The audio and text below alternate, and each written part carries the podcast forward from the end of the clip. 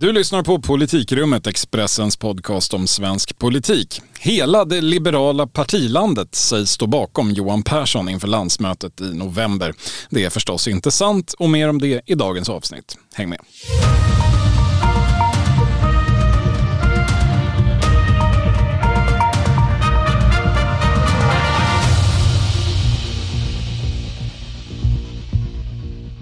Är det tisdag den 15 november och politikrummet är tillbaka på ordinarie tid och dag. Någonting måste ju vara i ordning när allt rör sig i världen och i svensk politik. Jag heter i vanlig ordning Viktor Bart Kron och med mig i precis lika vanlig ordning Expressens demonreporter Thomas Nordenskjöld. Hej! Hallå, hallå. Du, vi firar faktiskt ett jubileum idag. Det är avsnitt 50 av den här podden Politikrummet. Hur känns det? Mycket högtidligt. Mm, tycker jag också. Vi har ju lovat i den här podden att eh, varje vecka följa utvecklingen i Centerpartiets Mm. partiledarvalprocess. Ända till den är klar någon gång under nästa år. Det löftet har vi hållit hittills och det ska vi förstås fortsätta göra. Men just den här veckan har vi väl inte så där väldigt mycket nytt att tillföra tyvärr. Nej, egentligen inte. Alltså, de tre kandidaterna har ju haft ett första offentligt framträdande, men det kom väl inte ut så mycket av det vad jag har kunnat se och höra. Alltså, just det faktum att valberedningen tycks ha gjort allt för att hålla partiets vägval och liksom vilken, den här, hela den här diskussionen kring eh, vilken sida i svensk politik man ska tillhöra, den, det liksom håll, hålls utanför den här processen. Det har ju minskat laddningen en hel del i detta får man säga. Ja, här och nu i alla fall. Alltså det, det finns ju lite förlagor i detta. Moderaternas eh, ledning och valberedning försökte ju med något liknande efter Fredrik Reinfeldts avgång och skjuta svåra diskussioner på framtiden. Det. Mm. eh, det gick lyckat. väl där och då, eh, men inte så lyckat på längre sikt. Nej.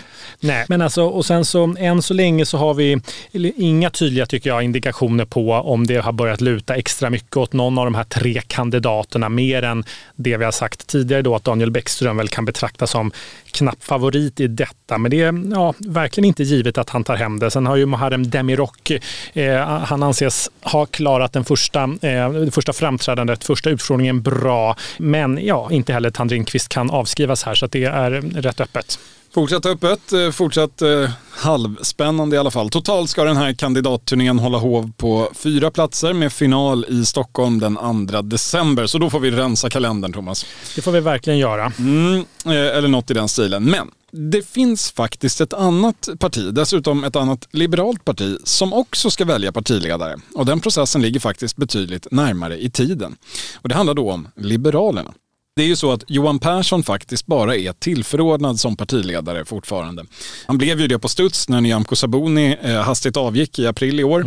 Och man sa redan då att ordinarie partiledare skulle väljas på ett extra landsmöte nu i höst. Och där är vi nu. Eller i alla fall snart. Sista helgen i november så ska man mötas i Stockholm. Och det har ju varit lite tyst om det här, eh, får man ändå säga. Ja, men det har det verkligen. Alltså, Johan Persson utmanas ju inte.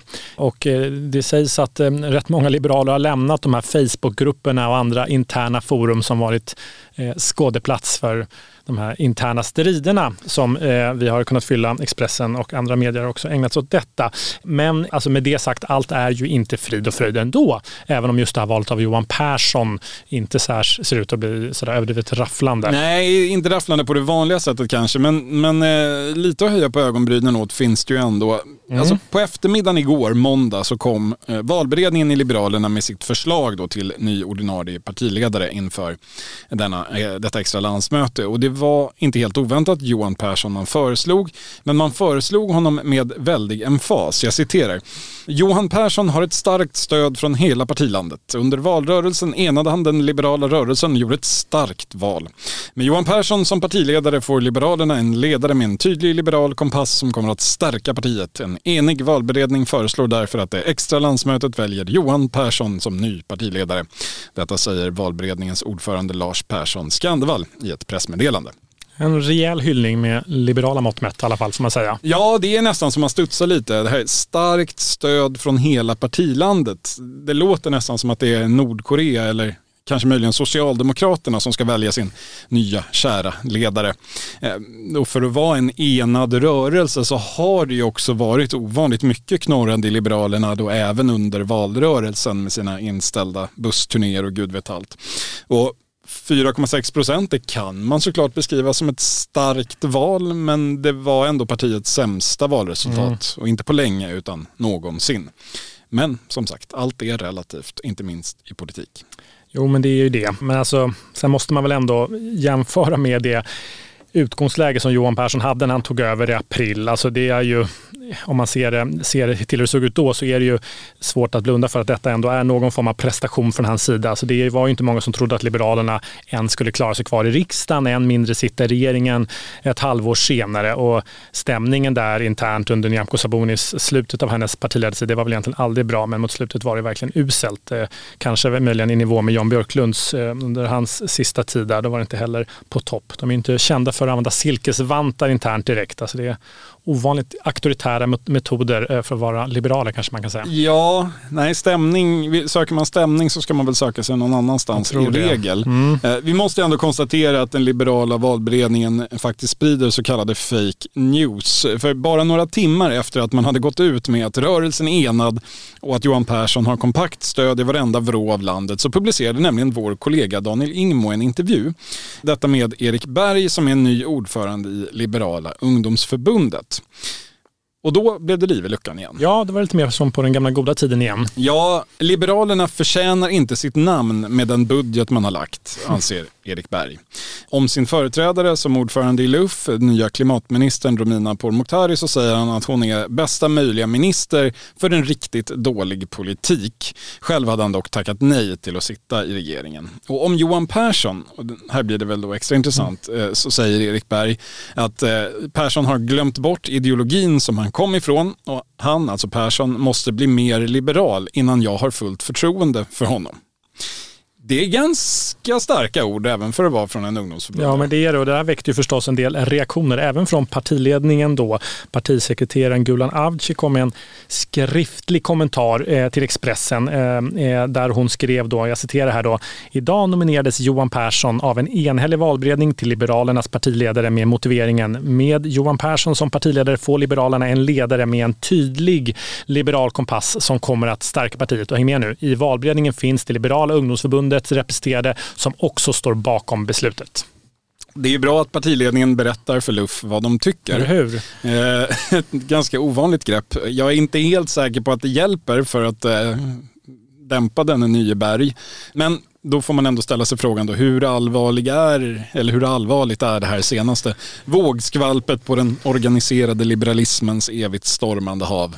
Egentligen? Ja, ja, alltså min bild är ju ändå att det har lugnat ner sig ganska rejält i partiet. Alltså den där turbulensen och öppna och väldigt hårda kritiken från partiets mer socialliberala del som kom när tidavtalet presenterades här för någon månad sedan, det har ju stillats och övergått, eh, som en jag pratar med internt, i någon form av apati. Alltså det är väl oklart om apati är ett eh, gott tecken. Kanske möjligen för Johan Persson. Det kan ju vara användbart. Det var det ju verkligen för Stefan Löfven eh, efter januariavtalet. Jag tror aldrig jag varit i, i ett så apatiskt rum som kongressalen eh, när Socialdemokraterna samlades två månader efter januariavtalet. Men Sen vände det till det bättre för det partiet får man ändå säga. Ja men det gjorde ju det. Eh, det visar ju att saker kan ändras under mandatperiod, hur man ser på saker och ting. Eh, mm. Men alltså att Johan Persson och eh, Sverigedemokraternas gruppledare Henrik Winge satt och drack sprit en hel natt på Tidö slott har ju också noterats av en del internt. Det har man jo. kunnat läsa sig till i Svenska Dagbladets oerhört fascinerande skildring i helgen av hur tidavtalet kom på plats. Ja, ett långt reportage av Maggie Strömberg och Torbjörn Nilsson, ska vi säga, kända från en föregångare till den här podden faktiskt. Just så, men att Johan Persson var så oerhört trött när tidavtalet presenterades har vi nu då alltså fått en eh, förklaring till. Han satt och drack whisky med eh, Jimmy Åkesson och eh, Henrik Winge och till en början även Ebba Busch och eh, Oskar Sjöstedt. Eh, sen eh, liksom droppar de av en efter en. Eh, först Ebba Busch och eh, Oskar Sjöstedt tror jag som försvann någon mm. gång vid två, tvåsnåret och sen så fortsatte Jimmy Åkesson, Henrik Winge och Johan Persson. Men eh, Jimmy Åkesson droppade också av och till slut så var det då Johan Persson och Henrik Winge, då, gruppledaren som satt där och hade någon form av egen efterfest. Eh, jag tolkade detta reportage som, någon, som att de höll igång till frukost. Jag vet inte om jag... Nej, jag tyckte det var... Jag tolkade det inte så. Det, det var, men det var... Ehm, sent, slukt skrivet så att sent, det, man kunde sent, tolka så. Sent var det i alla fall eh, och eh, kanske en scen som partiets socialliberaler, eh, ja det är nog inget de har drömt om direkt. Eh, det var nog inget de såg framför sig skulle hända. Men som en sa då att nu förstår vi varför eh, eh, Johan Persson kom hem därifrån och var så oerhört trött eh, och sliten. Ja, man, man bör kanske ändå notera att de, så vitt jag förstod det, drack sprit efter att de hade förhandlat och inte innan, åtminstone till största del. Alltid något. Sant. Det verkar ha varit någon form av all inclusive i alla fall. Vi får se. Eh, spriten tycks ju ändå ha varit rätt förlösande, tycker jag. Genomgående tema där eh, under den där vistelsen. Men alltså det man i Liberalerna egentligen reagerar mer på är ju eh, än att Johan Persson suttit och druckit sprit en natt med eh, Jim Åkesson och Henrik Winge. Eh, och det som egentligen svider mest är ju inte det, utan den här bilden som framträder i det här reportaget att Liberalerna, ja de fick skolan och de fick sitta i regeringen som väl var viktigast av allt, men i övrigt fick de ge sig på i princip allt. Ja, det var ju i alla fall den bilden som hamrades fram i, i i det reportaget och på en hel del andra ställen. Nu är ju inte Liberalerna och dess eh, Perssons i ledningen här och kan försvara sig, men jag tror att en hel del ledande företrädare skulle invända mot den bilden ändå och, och peka på att så enkelt kan man inte beskriva utan den breda rörelseriktningen är ändå rätt tycker man. Eh, och det är det viktiga. Men eh, det finns naturligtvis åtminstone nästan lika många syner på den saken och vilken rörelseriktning som egentligen är rätt som det finns organiserade liberaler som vanligt. Ja, det brukar vara så med Liberalerna annars får jag bilden att man liksom internt i Liberalerna inte riktigt vet hur man ska förhålla sig till vare sig den här nya regeringen som Liberalerna då själva sitter med i eller Tidöavtalet. Alltså, de flesta anser att det är liksom rätt att partiet sitter i regeringen. Man är glad över att partiet fått sina fem ministerposter. Samtidigt så tycker man att, att priset är, är orimligt högt då i form av alla eftergifter man har fått, fått ge här. Men eh, det var en jag pratade med sa som väl kan sägas då verkligen tillhöra den här socialliberala falangen eh, sa att det verkligen värmde i den här personens socialliberala hjärta när, eh, när partiets ministrar eh, har gått emot tidavtalet. Det finns få saker som tycks uppskattas så mycket eh, bland de här eh, som när man tar konflikt med SD och övriga högern.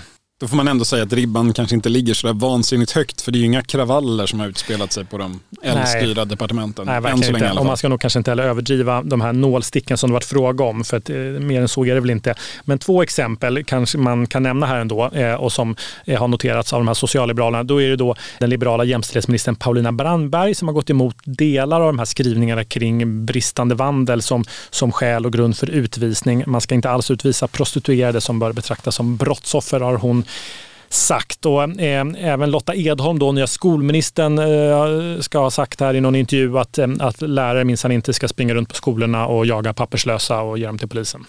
Eh, vi får väl se hur det där landar till slut också. Mm. Allt ska ju utredas, remitteras, skrivas fram och ältas vidare i evighet. Amen, ni vet. Men samtidigt står det ju som det står i tidavtalet och som vi pratade om i förra veckan så kommer ju Sverigedemokraterna knappast att stå med något slags mössa i hand och acceptera några självsvådliga beslut från ministrar som de eh, högst motvilligt har accepterat i utbyte mot just Tidöavtalet. Så sista orden är ju knappast sagda i den saken. Men det är ju kul för dem om det räcker med det här för att skapa god stämning internt i alla fall. Det är lovande för mm. framtiden. Mm. Men alltså, i övrigt måste man nog konstatera tycker jag att Johan Persson har ett rätt fast grepp om partiet idag. Alltså, lite har ju han släppt det här försöket man ägnade sig tidigare åt från partiledningen att försöka jämka ihop eh, och samman de här olika sidorna. Alltså, han förankrade faktiskt aldrig tidavtalet i partistyrelsen utan i ganska stor utsträckning ställdes de inför fullbordat faktum. Det där har ju fått partiets stora profil i Stockholm, Jan Jönsson, som väl är någon form av ledargestalt för den socialliberala falangen, att eh, hota med att hoppa av. Eh, vi får väl se, det lär han nog kanske inte göra. Men alltså, eh, som jag uppfattar det så är det i praktiken så att man idag ställs inför ett val i Liberalerna att acceptera den nuvarande linjen om man vill lyftas fram i partiet eh, eller då förpassas till kylan eller kanske rent av utsättas för det där kalla stålet som eh, vi har talat om. Eh, men alltså, man, man bör ändå notera, tycker jag, att av de som har lyfts in i regeringen och i, har framträdande liksom, eh, roller i partiet så har alla i princip accepterat tidavtalet och det här kompromissandet med SD. Så är det. Det är värt att om igen påminna sig om det att det är ju en rejäl resa som det här partiet har gjort jämfört med fyra år sedan när avståndstagandet mot eh, allt som luktade eh, något i stil med det, den regering vi har idag, det var lika starkt som Annie Lööfs. Eh, ja. Eller bara jämfört med för ett år sedan när Nyamko Sabuni till slut kunde baxa igenom att man skulle verka för en borgerlig regering. Inom parentes även om den kräver samarbete med alla partier. Typ. Ja, massa förbehåll. Eh, med massa förbehåll och uppslitande mm. debatt. Nu sitter man där man sitter med tidavtal med fem ministrar som ett slags fait accompli och mm. de som har valt att sitta kvar på det här framrusande tåget ser nog att det börjar bli väldigt lång väg att backa tillbaka till någon alternativ position i det här kan man tänka sig. Verkligen, men det är faktiskt helt otroligt vad snabbt det har gått och hur mycket som har förändrats. Men alltså, jag tror också att Johan Persson delvis har en fördel av att några av de mest profilerade socialliberalerna i partiet eh, faktiskt valt att lämna partiet och inte ens röstade på Liberalerna nu senast i valet. Alltså då tänker jag framförallt på Birgitta Olsson och Bengt Westerberg eh, som ju har varit eh, starkt lysande stjärnor eh, på den socialliberala himlen. Eh, och det gör ju att eh, de inte längre, den typen av personer, det finns ju fler exempel, inte längre kan kritisera partiet inifrån så att säga. Om de nu röstar på Centern eller Socialdemokraterna eller vad de nu valde att rösta på. Nej, precis. Det, det, det där är ju förmodligen lika nödvändigt som det är smärtsamt. Det, det mm. har ju för, i alla fall för en del utomstående, varit uppenbart ganska länge att man inte kan vara både Bengt Westerbergs vänsterliberala samvetsparti och mm. Johan och Mats Perssons högerliberala kompromissparti. Eh, inte i dagens politiska landskap i alla fall och förmodligen inte under eh, de närmaste åren heller. Alltså någon måste ge upp, alternativt ta sin halmhatt och gå. Och det ser ut då att bli det senare som mm. snarare blir fallet. Eller såklart, olika personer kan ju fatta olika beslut men det här är ändå en tydlig eh, indikation på, på att den här striden är på väg att ta slut tycker jag. Att, att de här personerna faktiskt har valt att gå. Det hade ju förmodligen varit en enklare resa allt det här om man bara hade lagt ner partiet och startat ett eller två nya partier. Men nu blev det som det blev och då blev det så här. Verkligen. Eh, det ska dock tycker jag bli intressant att se hur det blir med Jan Jönsson, eh, ledaren på den andra sidan och se om han också rättar sig ledet. Men alltså, annars tycker jag att man, man eh, bör notera en sak som är rätt intressant och det är att det finns en ganska utbredd oro i partiet idag kring klimatet och klimatpolitiken. Alltså det har varit mycket fokus på, på migrationen och alla eftergifter partiet har fått göra när det gäller lag och ordning. Men, men nu har man ganska mycket kring då klimatpolitiken som är faktiskt en, en fråga, ett område som ligger på Liberalernas bord i den här regeringen. Eh, och där finns det en oro på båda sidor i partiet och ända upp i partiledningen vad jag får höra. Att liksom det här med att det uppfattas, bilden som sätts nu av regeringen kraftigt sänker sin ambitionsnivå här på det här området, i alla fall kortsiktigt, när det gäller att minska utsläpp, utsläppen och istället då genomför en lång rad åtgärder som ökar utsläppen eh, enligt då, kan man läsa till i regeringens egen, egen budget då, med sänkta skatter på bensin och diesel och inte minst den här då slopade reduktionsplikten. Det där... Ja, och, och, och, där är det ju lite intressant för det, medan kriminalpolitiken och migrationspolitiken, där kan man ju försvara, som jag var inne på, med att den breda rörelseriktningen är rätt. Mm. Ja, men Liberalernas hållning är ju också att migrationspolitiken mm, borde vara mm. stramare och rättspolitiken hårdare. Sen, sen går det lite längre på vissa punkter än vad man själv hade velat. Men i det här fallet så är det ju faktiskt rakt emot Liberalernas ambition och det Verkligen. gör ju att den här eftergiften kanske ju egentligen är större. Ja, och, och dessutom så är det då Liberalernas eget, det är, liksom, det är deras portfölj i, i, i regeringen och ja, men det här är man inte alls bekväma med med internt får jag höra då och, eh, och egentligen oavsett vad man pratar med.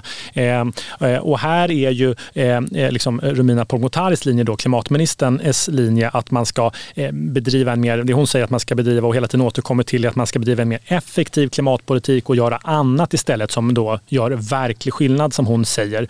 Men vad det där annat är, är ju, verkar ingen i partiet veta om och det, det, det skapar oro. Ja, det kan jag ju förstå, för det, det, det saknas ju någonting där. Det, det hör man i, i de sammanhang där hon och andra medverkar. Det, det, är en bra kontring i debatten, det där att er politik var ineffektiv och nu ska vi vara mer effektiva.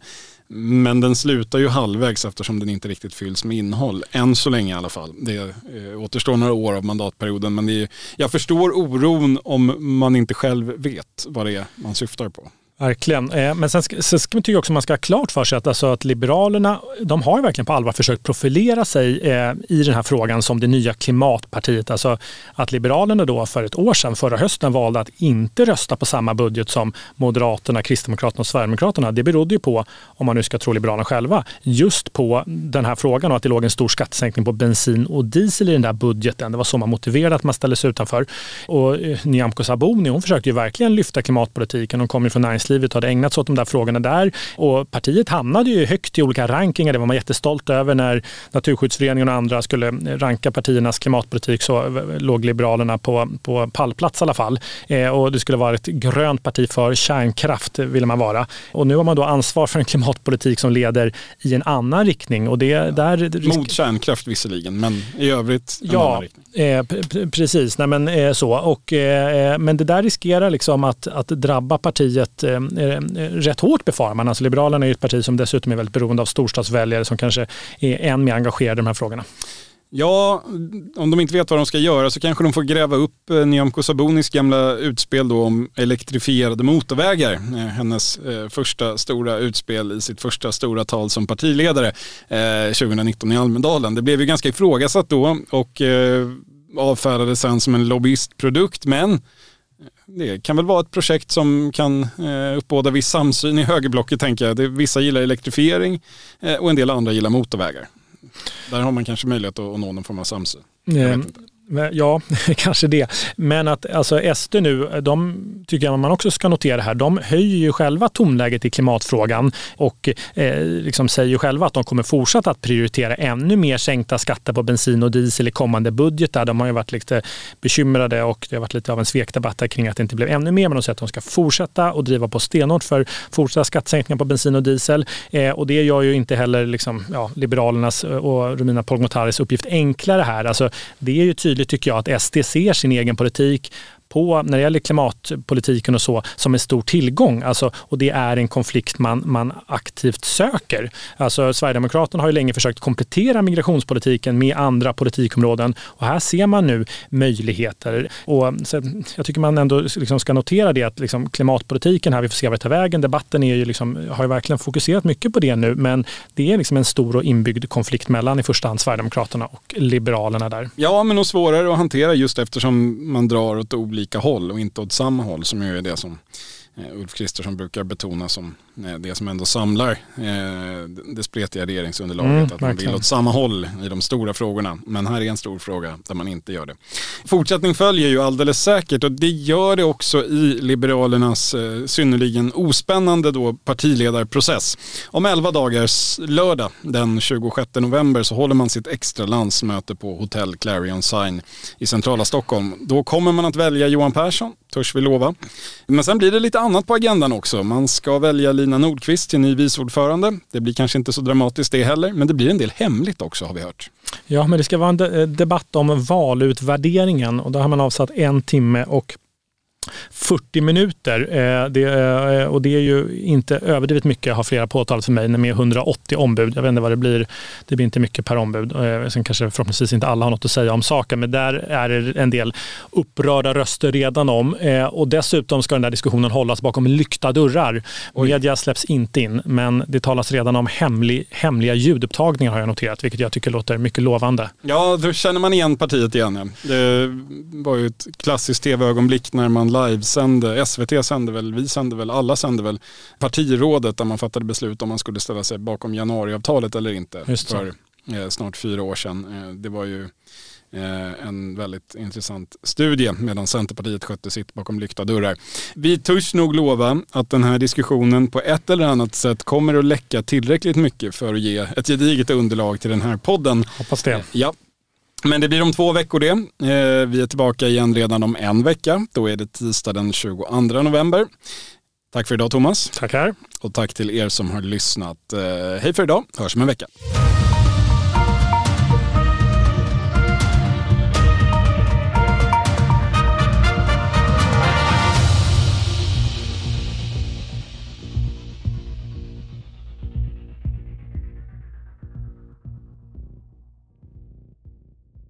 Du har lyssnat på en podcast från Expressen. Ansvarig utgivare Klas Granström